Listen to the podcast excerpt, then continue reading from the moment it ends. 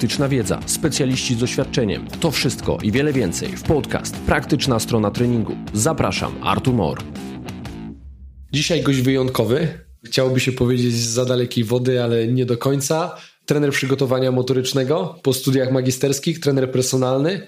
Doświadczenie zdobywał w Wielkiej Brytanii, Stanach Zjednoczonych, posiada chyba wszystkie możliwe akredytacje, w tym UK SCA, ASCA oraz EXOS. Obecnie mieszka i pracuje w Monako, gdzie pracuje z piłką nożną kobiet oraz jest wellness coachem. Pewnie wielu z Was już całkiem wiele to powie.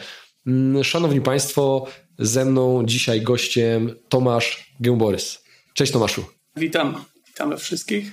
E, Tomaszu, bardzo miło, że nagrywamy tą rozmowę przy okazji, właśnie po moim szkoleniu Współczesna Kinezoterapia, na którym zagościłeś. Było to dla mnie wielkie zaskoczenie, że chciało Ci się przyjechać do Polski, mnie posłuchać, zatem miło mi. Cieszę się, że możemy porozmawiać teraz przed mikrofonem. Bardzo dziękuję za zaproszenie, bo generalnie obserwuję Cię przez, przez dłuższy okres czasu. Jako taka fizjoterapia to jest coś nowego dla mnie, gdyż jak wiadomo wywożę się raczej z przygotowania motorycznego, ale lubię generalnie uczyć się, poznawać nowe rzeczy, no i myślę Twoje takie podejście jest takim, które było dosyć y, podobne do mojego, tyle że w innej jakby dyscyplinie. Myślę, że tak jest. Tomaszu, pierwsze fundamentalne pytanie. Dlaczego nie zostałeś w Polsce? To był bardziej przypadek czy świadoma decyzja? Tak naprawdę to niekoniecznie ja troszeczkę w inną stronę, gdyż wyjechałem z Polski, gdy miałem 19 lat. Także nigdy nie miałem okazji pracować w, w zawodzie trenera, czy mhm. personalnego, czy przygotowania motorycznego. W tym momencie jestem w takim okresie, że planuję właśnie powrót do Polski. Także jak mówię, ja w tą raczej drugą stronę. Okej, okay. no to teraz spróbujmy skonfrontować Polskę ze światem, a dokładniej wynagrodzenia w świecie przygotowania motorycznego. Kiedy wiem, że nie jesteś w Polsce, to pierwsza moja myśl, kurczę, pewnie pobudki finansowe, krótko mówiąc, za granicą zarabia jako trener przygotowania motorycznego znacznie więcej, aniżeli można zarabiać w Polsce, co nie jest wyzwaniem, bo w mojej ocenie to jest subiektywne moje przekonanie.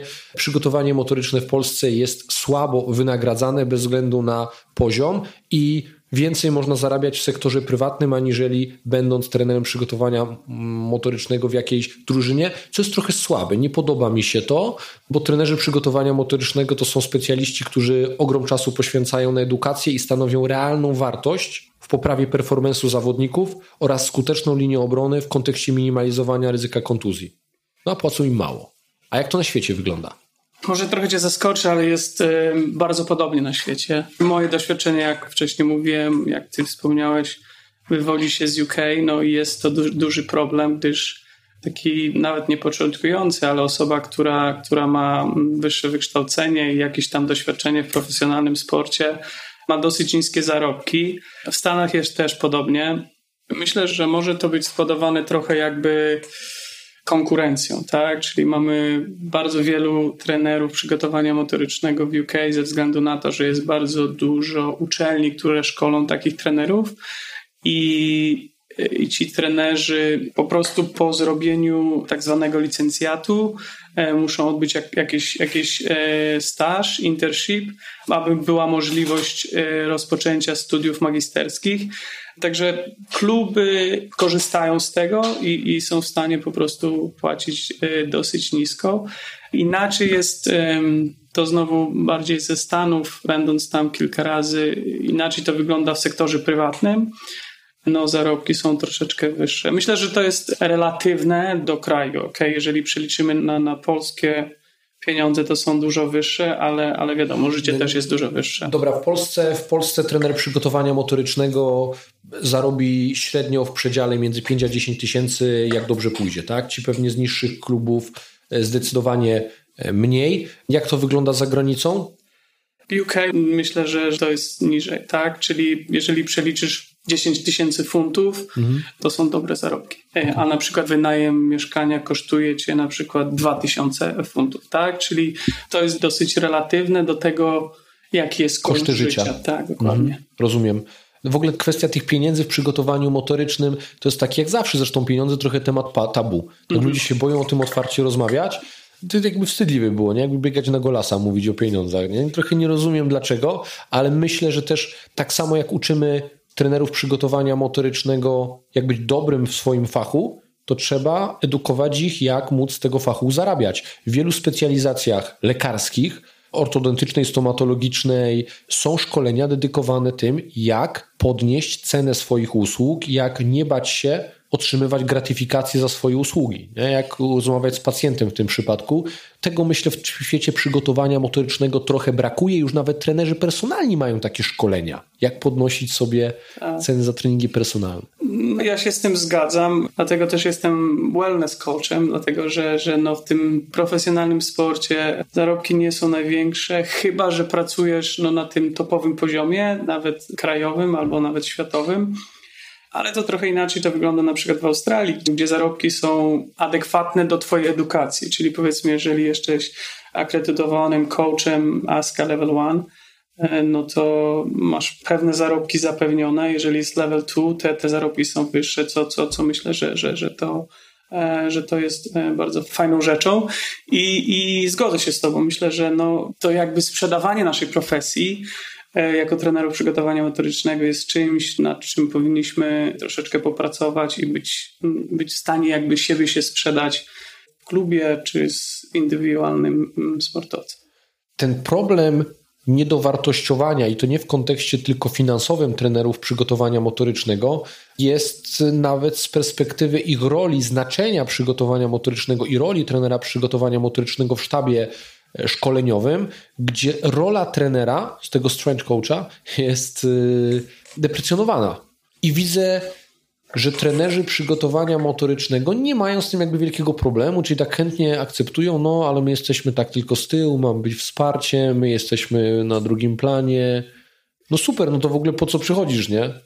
Mamy coś takiego wpajane, że zawsze jesteśmy numer dwa, tak? Czyli zawsze musimy się dostosować do tego, co trener główny ma zaplanowane i my po prostu jakby próbujemy wpasować swoją koncepcję do tego. Ale z drugiej strony, jak, jak ja myślę, że może to być też dlatego, szczególnie może w Polsce, że trenerzy główni po prostu nie, nie są pewni, co my możemy zrobić, w jaki sposób my możemy pomóc, dlatego że nie są w stanie tego wszystkiego zrozumieć, gdyż czasami niepotrzebnie próbujemy to komplikować w mhm. sposób, w jaki rozmawiamy z nimi, w sposób, w jaki próbujemy wyjaśniać, na czym polega nasza praca. Myślę, że tu jest duże jakby pole do popisu i wówczas takie kluby czy tacy zawodnicy będą bardziej doceniali naszą pracę i również, no wiadomo, będzie miało to odzwierciedlenie finansowe umiejętność tej przystępnej argumentacji właśnie dla trenera głównego, czy dla pozostałej części stabu szkoleniowego, czy tam medycznego,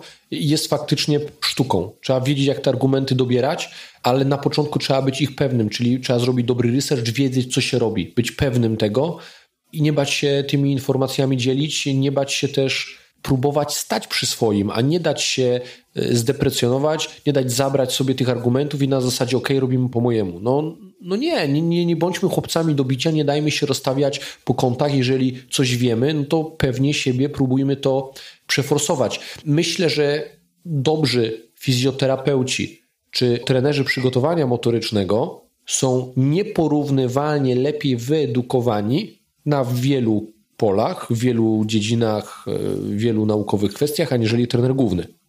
I to widziałem wielokrotnie. Czyli na każdej konferencji piłkarskiej, jeżeli chodzi o piłkę nożną, na której zdarzyło mi się być, a na kilku nawet zdarzyło mi się wykładać, to panele techniczno-taktyczne to, to, to dla mnie to była kompromitacja pod kątem argumentacji. Jeżeli chodzi o panel medyczny i panel przygotowania motorycznego, no to było często wow, nie? bo to byli specjaliści.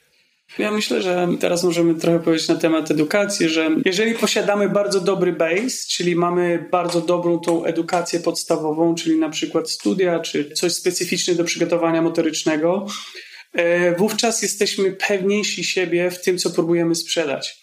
Teraz patrząc, co się dzieje, e, szczególnie w Polsce, następują takie okresy, w których jest bardzo dużo tak zwanych fadów, czyli wszyscy w pewnym momencie używają triphasic training, później wszyscy używają mm, velocity-based training, e, isometric training i jako trenerzy przygotowania motorycznego z dobrą bazą wiedzy powinniśmy być w stanie to zweryfikować, może nawet spróbować i zobaczyć, jak to działa. I wówczas będziemy w stanie lepiej to wszystko sprzedać trenerowi głównemu, biorąc pod uwagę to, jak to bezpośrednio wpływa na drużynę, jak to bezpośrednio wpływa na to, co on próbuje z drużyną zrobić. Mhm. Dlatego też musimy bardzo dobrze znać sport, w którym pracujemy. Niekoniecznie ze strony zawodnika, bo, bo bardzo często fakt, że właśnie nie wywodzimy się z tego sportu, czyli mamy trochę inne spojrzenie na to, naprawdę może być pomocne. Nie mamy tych takich naleciałości kulturowych dokładnie, związanych z daną dokładnie, dyscypliną. Dokładnie. Czyli tam z dziada, pradziada robiło się to i wszyscy uznawali, że to jest słuszne i jak się przez zasiedzenie gdzieś jest, to tutaj się to robi przez takie już... Dlaczego o... tak robić? Dlatego, że tak zawsze robiliśmy, tak? tak. No. Pojawia się pewien, pewien proceder w świecie przygotowania motorycznego, to znaczy pomimo, że są trenerzy przygotowania motorycznego dedykowani danej dyscyplinie, to indywidualni zawodnicy pracują z trenerami przygotowania motorycznego spoza klubu i teraz takie pytanie, nie? To trochę jest na zasadzie nie będziesz e, miał cudzych trenerów przede mną, czy przygotowanie motoryczne z trenerem spoza drużyny jest ok?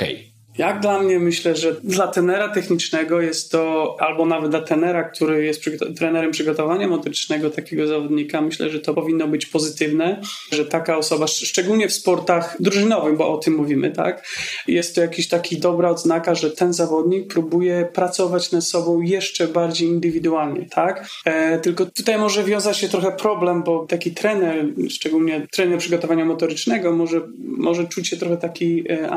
Nie, nie do niedoceniony, tak. tak trochę znowu, e, znowu zdeprecjonowany jego rola. Tutaj znowu wrócimy do tych takich soft skilli. Jeżeli ty jesteś w stanie dogadać się z tym trenerem przygotowania motorycznego i jakby pokazać mu, że wy chcecie tego samego, że wy chcecie po prostu, żeby ten zawodnik był lepszym zawodnikiem, czy lepiej przygotowanym do sezonu, czy lepiej przygotowanym czasie sezonu, że macie ten sam cel, to myślę, że, że, że, że nie powinno być problemów jak mówię, no może być to problem, że nie dostajesz informacji, jakie są w klubie, czyli jakieś tam monitorowanie, czy jakieś tam, no wiadomo, to może być problemem, ale ja myślę, że, że, że jest do przeskoczenia i może do... mieć więcej zalet niż wad. Dokładnie. I, I wiem, że dzieje się tak w klubach zagranicznych, tak. E, jest to dosyć, dosyć popularne. Ja sam w takim modelu pracuję i wiem, że, że się da. Nie? I też jestem trenerem przygotowania motorycznego zawodników, którzy w swoich drużynach mają i, i nie ma tam jakiegoś zgrzytu. Ja sobie też tych trenerów przygotowania motorycznego cenię, ale takie jednak indywidualne podejście, mam wrażenie, potrafi zdziałać więcej. No po prostu, no, ma więcej zalet niż wad, a takie obawy o to sumowanie się obciążeń, które często mają trenerzy główni, są trochę bezzasadne, bo ja nawet indywidualnie ten monitoring jestem w stanie zrobić lepszy, indywidualnie lepszy kontakt trzymać z tą osobą, lepiej się o tą osobę zatroszczyć, aniżeli o 30 osób. To jest, to, to jest, jest dokładnie, oczywiste. To jest do, do, dokładnie główny mój point, że jest to indywidualne. Tak, no, mm. no to wiadomo, że wszystko daje, staje się dużo łatwiejsze, mamy więcej czasu, mamy e, jakby większe pole do popisu, tak? Używam takiego sformułowania, cytatu, który usłyszałem od y, od profesora Ficka, on zresztą zawsze to powtarza, pracujcie bez kompleksów. Tyczy się to młodych specjalistów, którzy mogą być niepewni tego, co robią, brakuje im tej pewności siebie. Rolą starszych jest tą pewność u nich wzbudzać. Oczywiście nie bezzasadną, nie? czyli jeżeli nie mamy podstaw, no to trudno, żeby być pewnym siebie, ale załóżmy, że tak się dzieje. I teraz pytanie do ciebie. Czy świat przygotowania motorycznego, w tym rozpoznawalni trenerzy, w moich oczach ty nim jesteś, wspierają budowanie pewności siebie młodych e, specjalistów, czy raczej jej pozbawiają?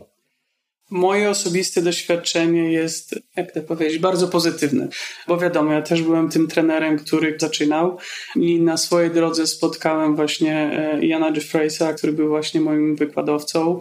On był taką i jest taką osobą, która bardzo, bardzo mi pomógł w tym, tak, że zawsze pomagał, wypychał, dawał do zrozumienia, że to, co robisz, to jest dobre, aczkolwiek potrzebujesz to kontynuować, żeby być lepszym, tak? Mhm. Czyli jeśli chodzi o jakieś internshipy, czy jakieś, no nie wiem, kontakty w świecie, to zawsze miałem bardzo dobre doświadczenie. E, na przykład mój wyjazd do Stanów w 2018 był właśnie takim kulminacyjnym punktem, dlatego że właśnie po rozmowie z Janem na, na, na konferencji Polskiego Stowarzyszenia Przygotowania Motorycznego spotkałem tam również Rona McAfee i, i generalnie we dwóch pomogli mi w, w moim wyjeździe i jak mówiłem w Stanach spędziłem tylko cztery tygodnie ale byłem w ośmiu miejscach i byłem tu naprawdę ludzi, którzy są bardzo cenieni w świecie przygotowania motorycznego w specyficznych sportach, na przykład UFC Performance e, and Bo Sandoval, na przykład American Top Team and, and Daru. To jest Phil Daru, tak? Mm. Spędziłem kilka dni u Dana Paffa, tak? W Altisie, Taff, e, dwa uniwersytety, North Carolina i Arizona State, Mike Young i jakby takie moje, moje doświadczenie w tym było takie, że ci ludzie byli bardzo pomocni, tak? Oni po prostu chcieli, żebym jak najwięcej z tego wyciągnął. No bo wiadomo, no nie ma złotej formuły, no nikt, nikt nie, ma, nie ma środka na, na, na sukces, tak? I oni po prostu podchodzą w ten sposób, że to jest to, co my robimy, ja to robię ze swoimi sportowcami. Możesz zadać ile chcesz pytań, ja ci odpowiem, a ty po prostu możesz sobie to przefiltrować, jak to jest adekwatne do twojego sportu. Aczkolwiek z drugiej strony przyznam się szczerze, że, że od pewnego czasu próbuję coś takiego zorganizować w Polsce, nawet w jakiejś drużynie czy coś i jest to, jest to, jest to dosyć trudne.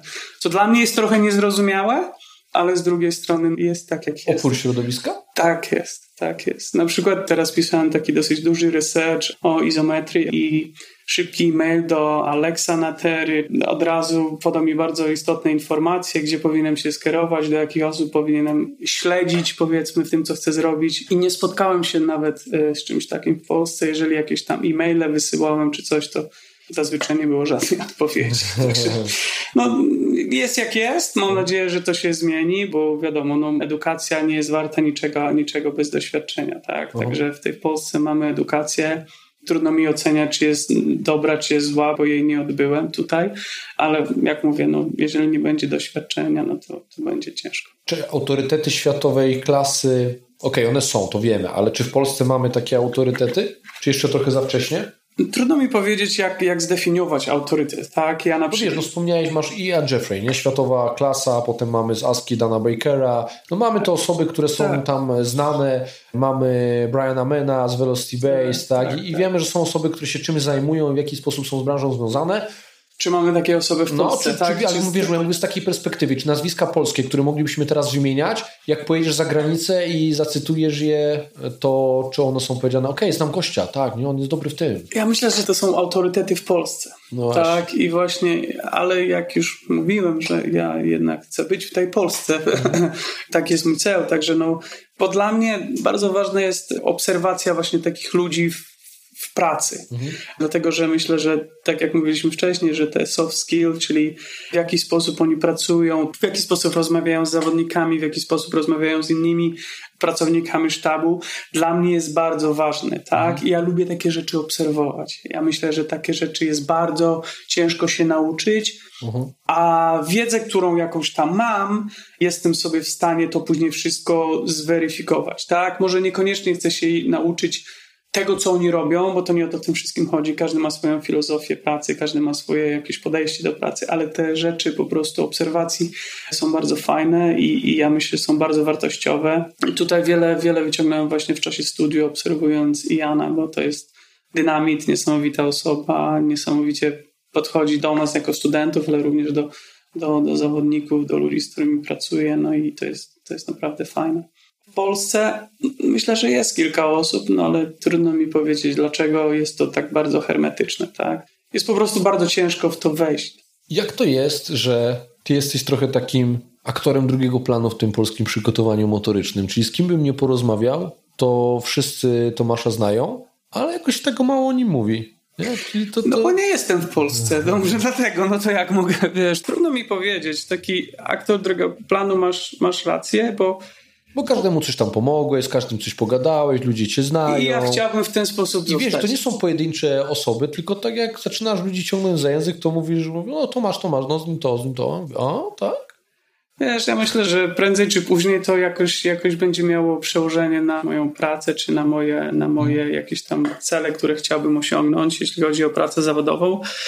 Ale z drugiej strony, no ja uważam, że trener to trochę taka osoba drugoplanowa bo zawodnik jest najważniejszy, tak? Jeżeli jako trener ty chcesz po prostu być ten, który wchodzi, wykopuje drzwi, robimy to, robimy tamto, bo tak, bo no, no myślę, że nie o to w tym wszystkim chodzi, tak? Nieważne co wiesz, ważne jak jesteś to w stanie za, zaimplementować, tak? Mhm. Jeżeli jestem osobą drugoplanową, ale zawodnicy mają sukces, jestem szczęśliwy.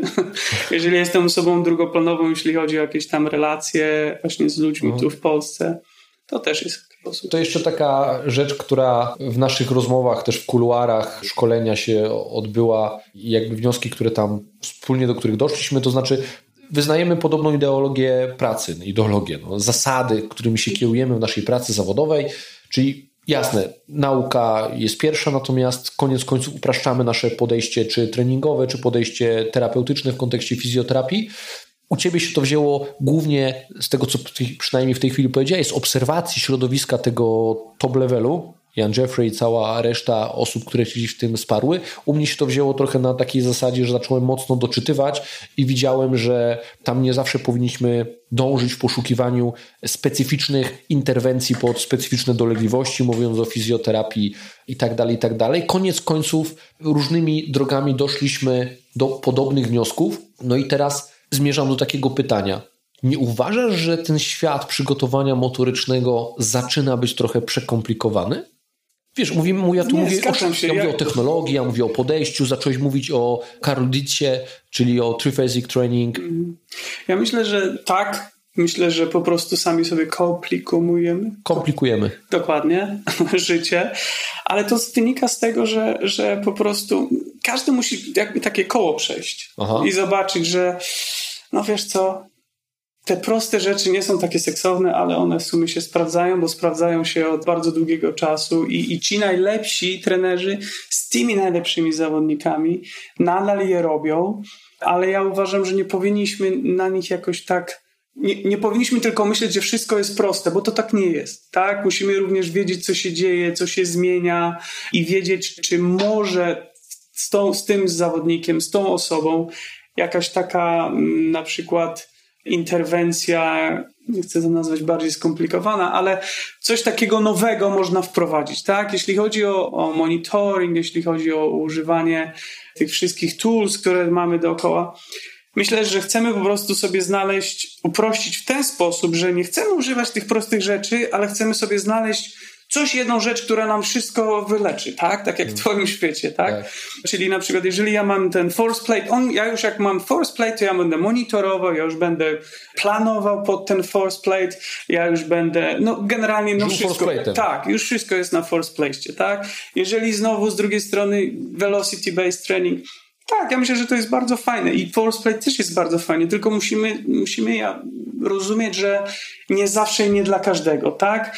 To tak jak rozmawialiśmy dzisiaj, jeżeli ja mam garnitur uszyty, uszyty na siebie, no to jeżeli ty go ubierzesz, no to będzie źle wyglądał, tak? I mhm. tak samo jest właśnie z treningiem i tak samo jest jakby z tymi toolsami w, w przygotowaniu motorycznym. One są ważne, bo to są wiadomości, które otrzymujemy, są bardzo obiektywne, ale no, coaching to jest trochę taki art. My musimy być w stanie to połączyć. Musimy być w stanie połączyć to, te rzeczy, które, które nasi zawodnicy nam mówią, które jakiś feedback dostajemy, z tym, co widzimy i jeszcze z tym, co odczytujemy z jakichś tam e, sprzętów pomiarowych, sprzętów pomiarowych tak? Ale ja myślę, że tak jak najlepszą generalnie, jak dla mnie i, i to się nauczyłem trochę właśnie na studiach, y, toolsem, sprzętem do, do monitorowania jest telefon. Jeżeli jesteś w stanie zadzwonić do swojego zawodnika, zapytać jak się czuje, czasami jak spał, takie proste rzeczy, to czasami więcej ci da niż, niż tak. counter movement jump, tak? Aczkolwiek trzeba to Żaden sprzęt znać. pomiarowy nie da ci informacji, że ktoś się pokłócił z dziewczyną. Voila, proszę bardzo, dokładnie. Nawet w żadnych, wiesz, w żadnym Excelu nie masz tego, nie? Aczkolwiek, no wiadomo, w social media mogą ci takie informacje podać, A, nie? ale to musisz ty już tak, musisz monitorować tam. To ta, bez monitorowania widzisz, social mediów, no to jak? Skąd, wie, skąd, wiesz, co się dzieje w świecie? Nie wiesz. Sportu, no nie wiesz, no najnowsze rzeczy nie wchodzą, nie, nie jesteś po prostu, no jesteś na, na, na, na, na, na czasie, na bieżąco. Tak. E, jak twój zawodnik zmienia status na Facebooku na związek, to skomplikowane, to wiesz, że coś się dzieje. No dokładnie, dokładnie, no dokładnie. Ale widzisz, z drugiej strony fajnie, no bo takie rzeczy też mają, też mają znaczenie. Dla mnie media społecznościowe, zwłaszcza Facebook i cały ten wall na Facebooku, to jest naj, najlepsza forma dla mnie prasówki, którą robię przy porannej kawie, Czyli siadam sobie i lecę, scrolluję to i jeżeli tylko nie oglądam głupot, to algorytm Facebooka podpowiada mi fajne rzeczy, wyselekcjonowane pode mnie, pod moje preferencje, pod rzeczy, których szukam. To jest super. Ktoś za mnie robi dla mnie e, research, no najczęściej aktualnych rzeczy, no bo jeżeli jest jakaś publikacja, czy ktoś się chce koniecznie czymś podzielić, pochwalić, robi to w tych mediach społecznościowych, trafia to do ciebie, jesteś na bieżąco, na bieżąco ze środowiskiem. Tylko trzeba polubić odpowiednie profile, nie? Zgadzam się z Tobą 100%. Jak już rozmawialiśmy, ja na przykład kontaktują się ze mną czasami ktoś tam mm. właśnie przez media społecznościowe, fajnych ludzi poznałem, z którymi mogę wymieniać poglądy, rozmawiać, czasami pomagać. I tak jak mówiłem, dlatego że ja spotkałem się z bardzo fajnym jakby feedbackiem, jeśli chodzi o pomoc od trenerów, zawsze chętnie pomagam, jeżeli, jeżeli mogę, przynajmniej e, w tej sprawie edukacji, czyli co robić, co nie robić może jakieś tam książki, może jakieś szkolenia, co, co polecić, ale również w treningu na przykład jesteśmy w takiej sytuacji, co myślisz powinniśmy zrobić, co, jakie... Lubię to, bo w ten sposób to jest dla mnie też ciekawe, bo w ten sposób ja też zdobyłem jakieś informacje, mhm. jakieś takie rzeczy, które mogłyby się zdarzyć, gdybym ja był trenerem w danej dyscyplinie, trenerem przygotowania motorycznego, zdarzają się do tych ludzi i ja już to mam przerobione, tak? Mhm. Także myślę, że... Wymiana doświadczeń. Dokładnie ta odpowiedzialność za kolejne pokolenie, no to trochę był motyw powstania całego projektu Praktyczna Strona Treningu, to żeby jednak edukować w oparciu o dobrą jakościowo wiedzę, o możliwie najlepsze dowody naukowe, żeby ten temat jeszcze rozwinąć i dać młodym osobom szansę uczenia się. Odpaliliśmy takie projekty praktyk studenckich, które się tutaj u nas odbywają. Myślę, że odpali się jeszcze jeden fajny projekt, o którym na razie jeszcze nic nie mówię. Pojawiają się też bezpłatne warsztaty, no właśnie po to, żeby też e, dawać możliwość wymiany doświadczeń, możliwość takiej edukacji od osób bardziej doświadczonych. Także też czuję tą odpowiedzialność za, za młodsze pokolenie, bo też w życiu ktoś mi pomógł. Nie wiem, to czy było gro osób, które rzucały mi kłody pod nogi i to e, nagminnie się działo, ale były to osoby, które z jakiegoś powodu wyciągnęły rękę i powiedziały Artur, chodź my generalnie rodzimy się dobrzy, nie? Jako human being, nie? Także no, fajnie być dobrym, nie? Wiesz, ja bardzo cenię takie rzeczy i, i cenię to w ludziach, nie? I myślę, że to po prostu ma sens, tak? Żeby zrobić ten następny krok, to w ten sposób musimy to jakby robić, bo, bo pewne rzeczy się zmieniają, aczkolwiek w świecie się zmieniało, a u nas nadal stoją. Mhm. I, I, to jest dosyć ważne. Tak? Teraz nie ma problemu z, z, jakby z informacją. Problem jest, żeby być w stanie tą informację filtrować.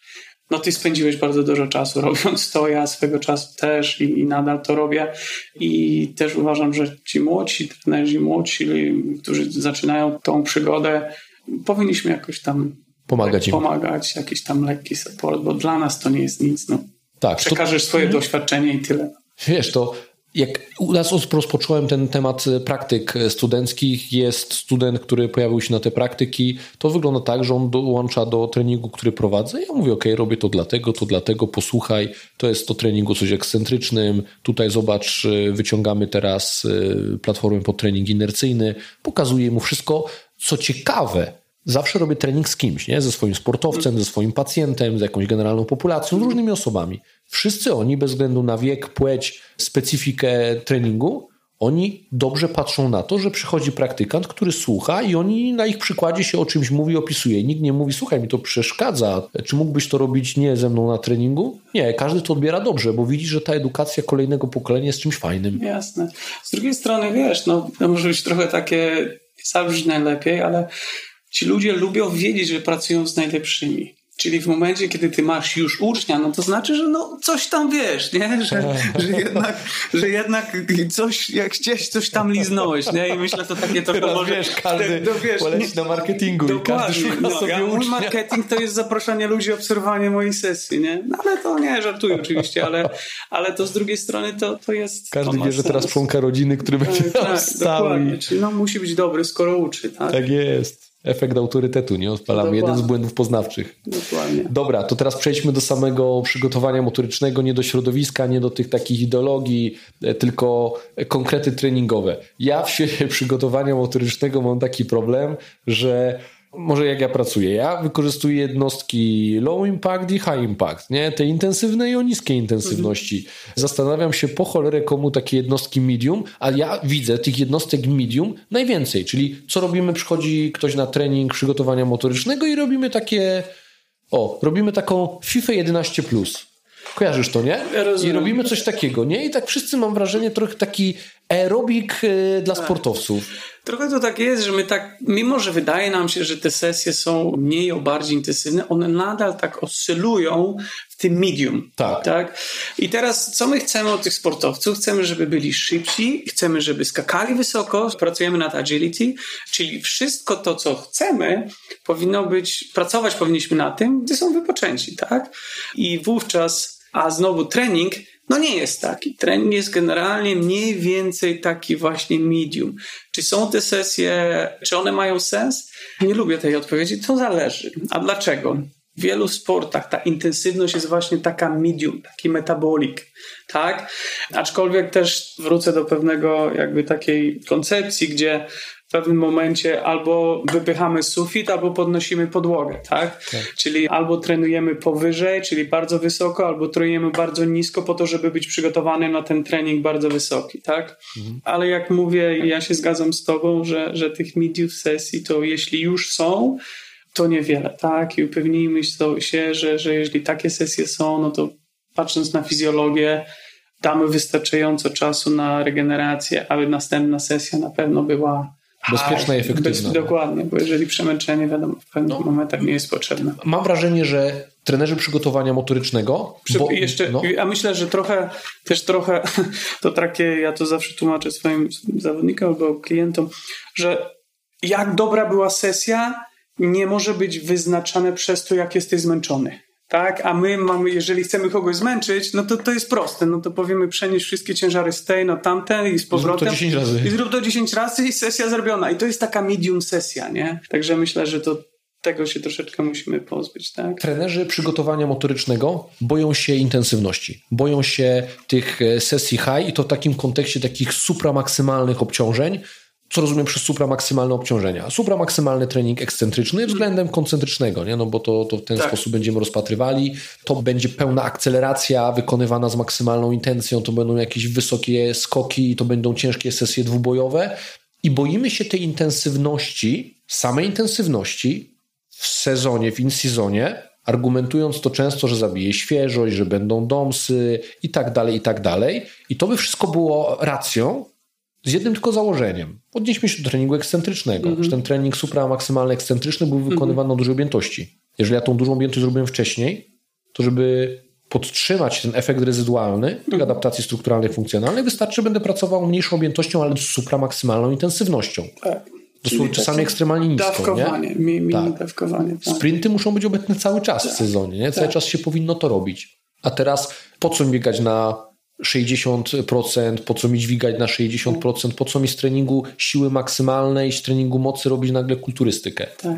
Ja myślę, że jest to trochę e, spowodowane tym, że no generalnie boimy się aby tego zawodnika, że tak nazwę, to nie uszkodzić, żeby nie spowodować jakieś, jakieś injury, tak? Tylko to jest taki catch-22, bo jeżeli oni nie trenują szybko i ciężko i intensywnie, a tak odbywają się ich zawody, czy ten, no to, no to, to oni nie są przygotowani do tego, tak? Tylko myślę, że trenerzy przygotowania motorycznego ostatnią rzeczą, jakby chcieli mieć, to jest na swoim koncie to, że uszkodzili zawodnika w czasie treningu, tak? I tutaj myślę, że wraca to do tego, co się nazywa art of coaching. Czyli, że jako coach powinieneś być w stanie mieć wystarczająco tools, żeby być w stanie zobaczyć, czy ten zawodnik tego dnia jest gotowy na taki trening, tak?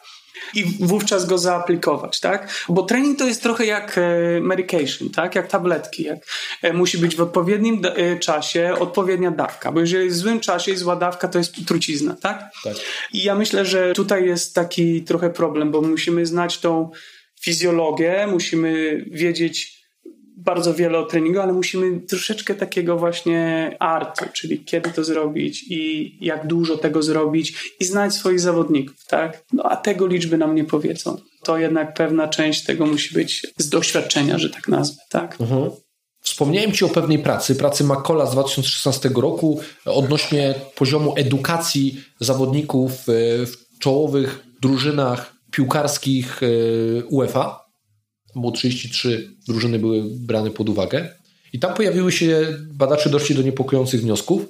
Mianowicie okazało się, że sami zawodnicy nie wykonywali interwencji o udowodnionej skuteczności w kontekście minimalizowania ryzyka kontuzji, bo uważali, że to albo nic nie daje, albo ogranicza ich performance, albo przynosi zupełnie przeciwny efekt, czyli nie zabezpiecza przed kontuzjami, ale jest przyczynkiem kontuzji. Teraz mówimy o topowym poziomie, gdzie nie brakuje pieniędzy, gdzie nie, są, nie powinny być osoby z przypadku, jeżeli chodzi o sztaby szkoleniowe, a mimo wszystko na takim poziomie u takich zawodników pojawiają się tak błędne przekonania. I teraz z czego to wynika? Z tego, że źle się edukuje trenerów, że trenerzy źle edukują zawodników, czy zawodnicy są oporni w przyjmowaniu tej wiedzy? Ja myślę, że e, tutaj to trochę jest tak, że właśnie ci trenerzy może są, jak jest taką w ogóle słowo, przeedukowani, czyli oni nie są w stanie wytłumaczyć tym swoim zawodnikom w sposób taki, że oni to zrozumieją. E, myślę, że jest trochę taka tendencja, że my używamy tych technicznych słów, e, tego języka, takiego slangu, wiadomo o co chodzi, z ludźmi, którzy tego nie rozumieją i oni się tego boją. Oni nie wiedzą, co robią, nie wiedzą, dlaczego to robią i nie wiedzą, jak to im ma pomóc, tak? I w tym momencie trenerzy są po prostu dobrze wyedukowani, ale to są, jak mówiliśmy wcześniej, no edukacja nie ma znaczenia, jeżeli nie jesteś w stanie to przełożyć na praktykę, tak? A tutaj praktyką jest właśnie dotarcie do tego zawodnika. E, jeżeli coś rozumiesz, to jesteś to w stanie wyjaśnić sześciolatkowi, tak? I właśnie w taki sposób. My musimy mówić ich językiem. To jest coś, nad czym ja próbuję pracować i chcę pracować coraz więcej, bo to jest główna jakby taka cecha trenera przygotowania motorycznego kontakty międzyludzkie, nie tylko z zawodnikami, ale również ze, ze sztabem szkoleniowym, tak, bo musimy być w stanie wyjaśnić fizjoterapeucie, o co chodzi. Fizjoterapeuta musi być, musimy wszyscy mówić tym samym językiem, tak? O to w tym wszystkim chodzi. I myślę, że tutaj może być, może być trochę problem. No bo mamy taki problem, trochę taki ukryty problem w tych wszystkich e, badaniach nad wprowadzaniem tych interwencji nad tą edukacją. To są dwa takie pojęcia adherence i compliance, nie? czyli zgodność tej interwencji i przestrzeganie. Czasami się okazuje, że ta teoria w praktyce nie jest egzekwowana nie? przez samych zawodników. Tak? Czyli te interwencje one nie mają tego odpowiedniego compliance i adherence. Właśnie poprzez to, że oni nie widzą celu, nie ma nadanego sensu temu, co robią w odpowiedni sposób. Jak myślisz, że to jest bez sensu, albo nie wiesz tego sensu, to nie chcecie to robić. Bardzo proste wytłumaczenie. Jeżeli powiesz komuś, zawodnikowi, słuchaj, robimy to ćwiczenie, będziesz skakał wyżej. On jest piłkarzem piłki nożnej, tak? Okej, okay, będę skakał wyżej, no i co? Ale jak mu powiesz, słuchaj, robimy to, że jak będzie w stanie wyskok- wyskakiwać do główek lepiej. Aha, no to już jest bardzo, bardzo tak. specyficzne tak. do niego. Wiesz, że na przykład w tym momencie to, jeżeli jesteśmy w stanie na przykład pokazać jakąś sytuację z jego, z jego, z jego gryża, zobacz, to było to, a my robimy to, żeby to poprawić. Zrobiłbyś to lepiej. No właśnie, zrobione. Mhm jesteśmy dalej przy tym przygotowaniu motorycznym od takiej praktycznej strony, no to teraz przejdźmy do planowania. Planowania długofalowego. Zachęca się trenerów przygotowania motorycznego, ażeby takie długofalowe przygotowanie czynili. I teraz trochę to jest opacznie rozumiane i trochę przyjmuje taki świat utopii, to znaczy rozpisuje się plany treningowe nawet na rok z obciążeniami i tak dalej, zapominając trochę, że to planowanie długofalowe, ta periodyzacja długofalowa to są bardziej idee i założenia, aniżeli wartości liczbowe, procentowe, serie powtórzenia i konkretne ćwiczenia. No bo patrząc na świat realny, to mówimy tu o takiej utopii, a świat realny nam pokazuje jedno. Czasami jest trudno z tygodnia na tydzień zaplanować trening. Właśnie chciałem Cię zapytać, czy udało Ci się kiedyś przynajmniej w jednym tygodniu zrobić to, co miałeś zaplanowane? Z jakimś zawodnikiem? Z że niczego nie, musi, że niczego nie musiałeś zmienić. Z generalną populacją tak, bo robi tylko to i on tak. jest trzy razy, cztery razy z tobą w tygodniu, sterylne warunki, robimy tylko to, co było zaplanowane. w kontekście przygotowania motorycznego czasami robimy to, na co są siły albo na co mamy Dokładnie. możliwości. Ja myślę, że, że, że plan trzeba mieć, tak, długofalowy, bo musimy wiedzieć jakby dokąd, taki trochę GPS, tak, dokąd dążymy. Mówiąc o GPS-ie, no to, to jest wiele, wiele dróg do Rzymu, także wiadomo, możemy tam dotrzeć trochę inną drogą niż planowaliśmy, no bo tamta droga, którą chcieliśmy iść była w remoncie tak? Mhm. I, i, Jakie obrazowe porównania, dobry w tym jesteś. I, Kogo ty słuchałeś? Uczy, uczy się od najlepszych, uczy się od najlepszych. No i myślę, że tutaj powinniśmy mieć plan, ale moim zdaniem bycie trenerem to jest właśnie bycie w stanie się zaadoptować. Czyli musisz mieć plan A, który jest to, co zaplanowałeś, ale czasami musisz mieć plan B i nawet C. to było takie trochę eyes opener dla mnie, yy, udana pafa. On, on mówi właśnie w ten sposób, słuchajcie, no, ja generalnie nie planuję za daleko niż tydzień, a oprócz tego ja planuję następne trzy sesje inne do tego niż miałem zaplanowane każdego dnia, dlatego że ja nie wiem w jakim oni stanie przyjdą, bo ja mogę kontrolować kontrolowane rzeczy przez 2-3 godziny jak są tu ze mną, a co się dzieje przez następne 20 jest dosyć ciężkie. Odpowiadając na Twoje pytanie, tak, plan trzeba mieć, ale trzeba być w stanie się zaadoptować, kiedy jest taka konieczność. A oprócz tego, myślę, że za dużo czasu czasami właśnie spędzamy na tych rzeczach takich technicznych, które możemy dużo lepiej wykorzystać e, robiąc coś innego, bo wiem, że w przeszłości widziałem plany czteroletnie, widziałem plany roczne, widziałem i, i, i jeszcze mi się nie udało takiego czegoś zrobić. Ja osobiście miałem plan roczny na jedną z tych swoich akredytacji i ostatnie pytanie było mm, właśnie w czasie tego egzaminu, czy, czy udało ci się coś z tego planu zrobić. To nie było, że wszystko. Czy udało ci się coś z tego planu zrobić? No i to naprawdę w moim przypadku to było 30-40%. Uh-huh. Tak. E, ale z drugiej strony, to break the rules, you, you have to know the rules. Tak? Najpierw musisz znać, na czym ta polaryzacja polega, z czym to się je, i później dopiero możesz ją e, zmieniać, czyli autoregulować. Podzielam. Kolejna, myślę, istotna kwestia, a właściwie realny problem. Idea obozów sportowych, na których trenuje się trzy razy dziennie. I teraz pytanie, kogo tak poniosło, że coś takiego się udało wprowadzić w przygotowanie motoryczne i dlaczego ciągle to robimy? Po cholerę to komu jest? Co, jedyną rzecz, która mi przychodzi na myśl, to jest ten system bułgarski weightliftierów, tak? Oni tam ćwiczyli co, co kilka godzin po 45 Aha. minut, tak? Amerykanie chcieli to wziąć i, i, i, i skopiować, tylko za, za zawodnicy im się zaczęli wykruszać. I dopiero okazało się 20 lat później, że ci, że ci bułgarscy weightlifterzy to, to mieli extra support od, od, tak, od, od. Dokładnie. Myślę, że to mogło być gdzieś tam i, i, no i taka koncepcja trochę czym więcej, to lepiej, nie? No ale wiadomo, że przy sporcie musimy znać ten minimum necessary dose, czyli minimum effort, maximum return, bo wiadomo, no jednak szczególnie przy przygotowaniu motorycznym ci ludzie jednak muszą mieć ten trening techniczny i muszą mieć na to energię. Aczkolwiek z drugiej strony przyznam, że, że osobiście też coś takiego robiłem, nie, może z, e, semi-professional, nazwijmy to, ktoś, kto przygotował się do walki Muay Thai w Tajlandii, dlatego że trenowaliśmy trzy razy dziennie, ale to była na przykład sesja tajskiego boksu techniczna w połowie dnia, jakaś tam 30-45 minut, jakaś tam sesja siłowa, power albo, albo siłowa, no i wieczorem jakaś tam bardziej sesja active recovery, tak? Mhm. Ja myślę, że tutaj trzeba powiedzieć, że, że, że nie ile razy robimy, tylko co robimy. Bo jeżeli ty chcesz rozbić sesję dwugodzinną na trzy sesje 45-minutowe, no to może nawet mieć sens, tak? Jeżeli nie robisz niczego innego. Ale tu, tu wchodzi też ten problem właśnie periodyzacji, to po pierwsze, a drugie problem, no, no trzeba znać jednak tą fizjologię, tak? Trzeba znać swoich zawodników, jak oni się regenerują. Myślę, że to jest kluczowe, tak? Nie da się powiedzieć biało-czarno. Ja myślę, że... Tak, tylko wiesz, jednak świat realny wygląda w ten sposób, jak mówię jako fizjoterapeuta współpracujący tak. z innymi z ortopedami, że z tych obozów wracają sportowcy często przeciążeni, tam się często pojawiają problemy ze snem, z tak. przemęczenia, tak, z tego tak. przestymulowania organizmu. Tam są takie typowe rzeczy, które się dzieją na obozach. Młodzi sportowcy, młodzi, czasami dzieciaki, oni łapią kontuzje przeciążeniowe typowe dla przeładowania obciążeniami mechanicznymi, bo mieli obóz sportowy tygodniowy i mieli po dwie, trzy sesje dziennie i goniło się ich tam i z powrotem. Trochę właśnie takie kopiowanie czegoś, co ktoś zrobił. Ja spotkałem się z, z, z taką sytuacją, nie pamiętam na jakimś kurcie, spotkałem kogoś właśnie z trenera albo ktoś, kto, kto uprawiał narciarstwa biegowe, tak? No i juniorzy robili programy naszej kowalczej. Juniorzy to robili, a bo na nią działało, to my też będziemy to robić. Tak. Dla mnie to jest parodia. A jak nie było efektu, to jeszcze zwiększymy objętość. No bo jak nie działa, jak nie działa, to to rzucimy.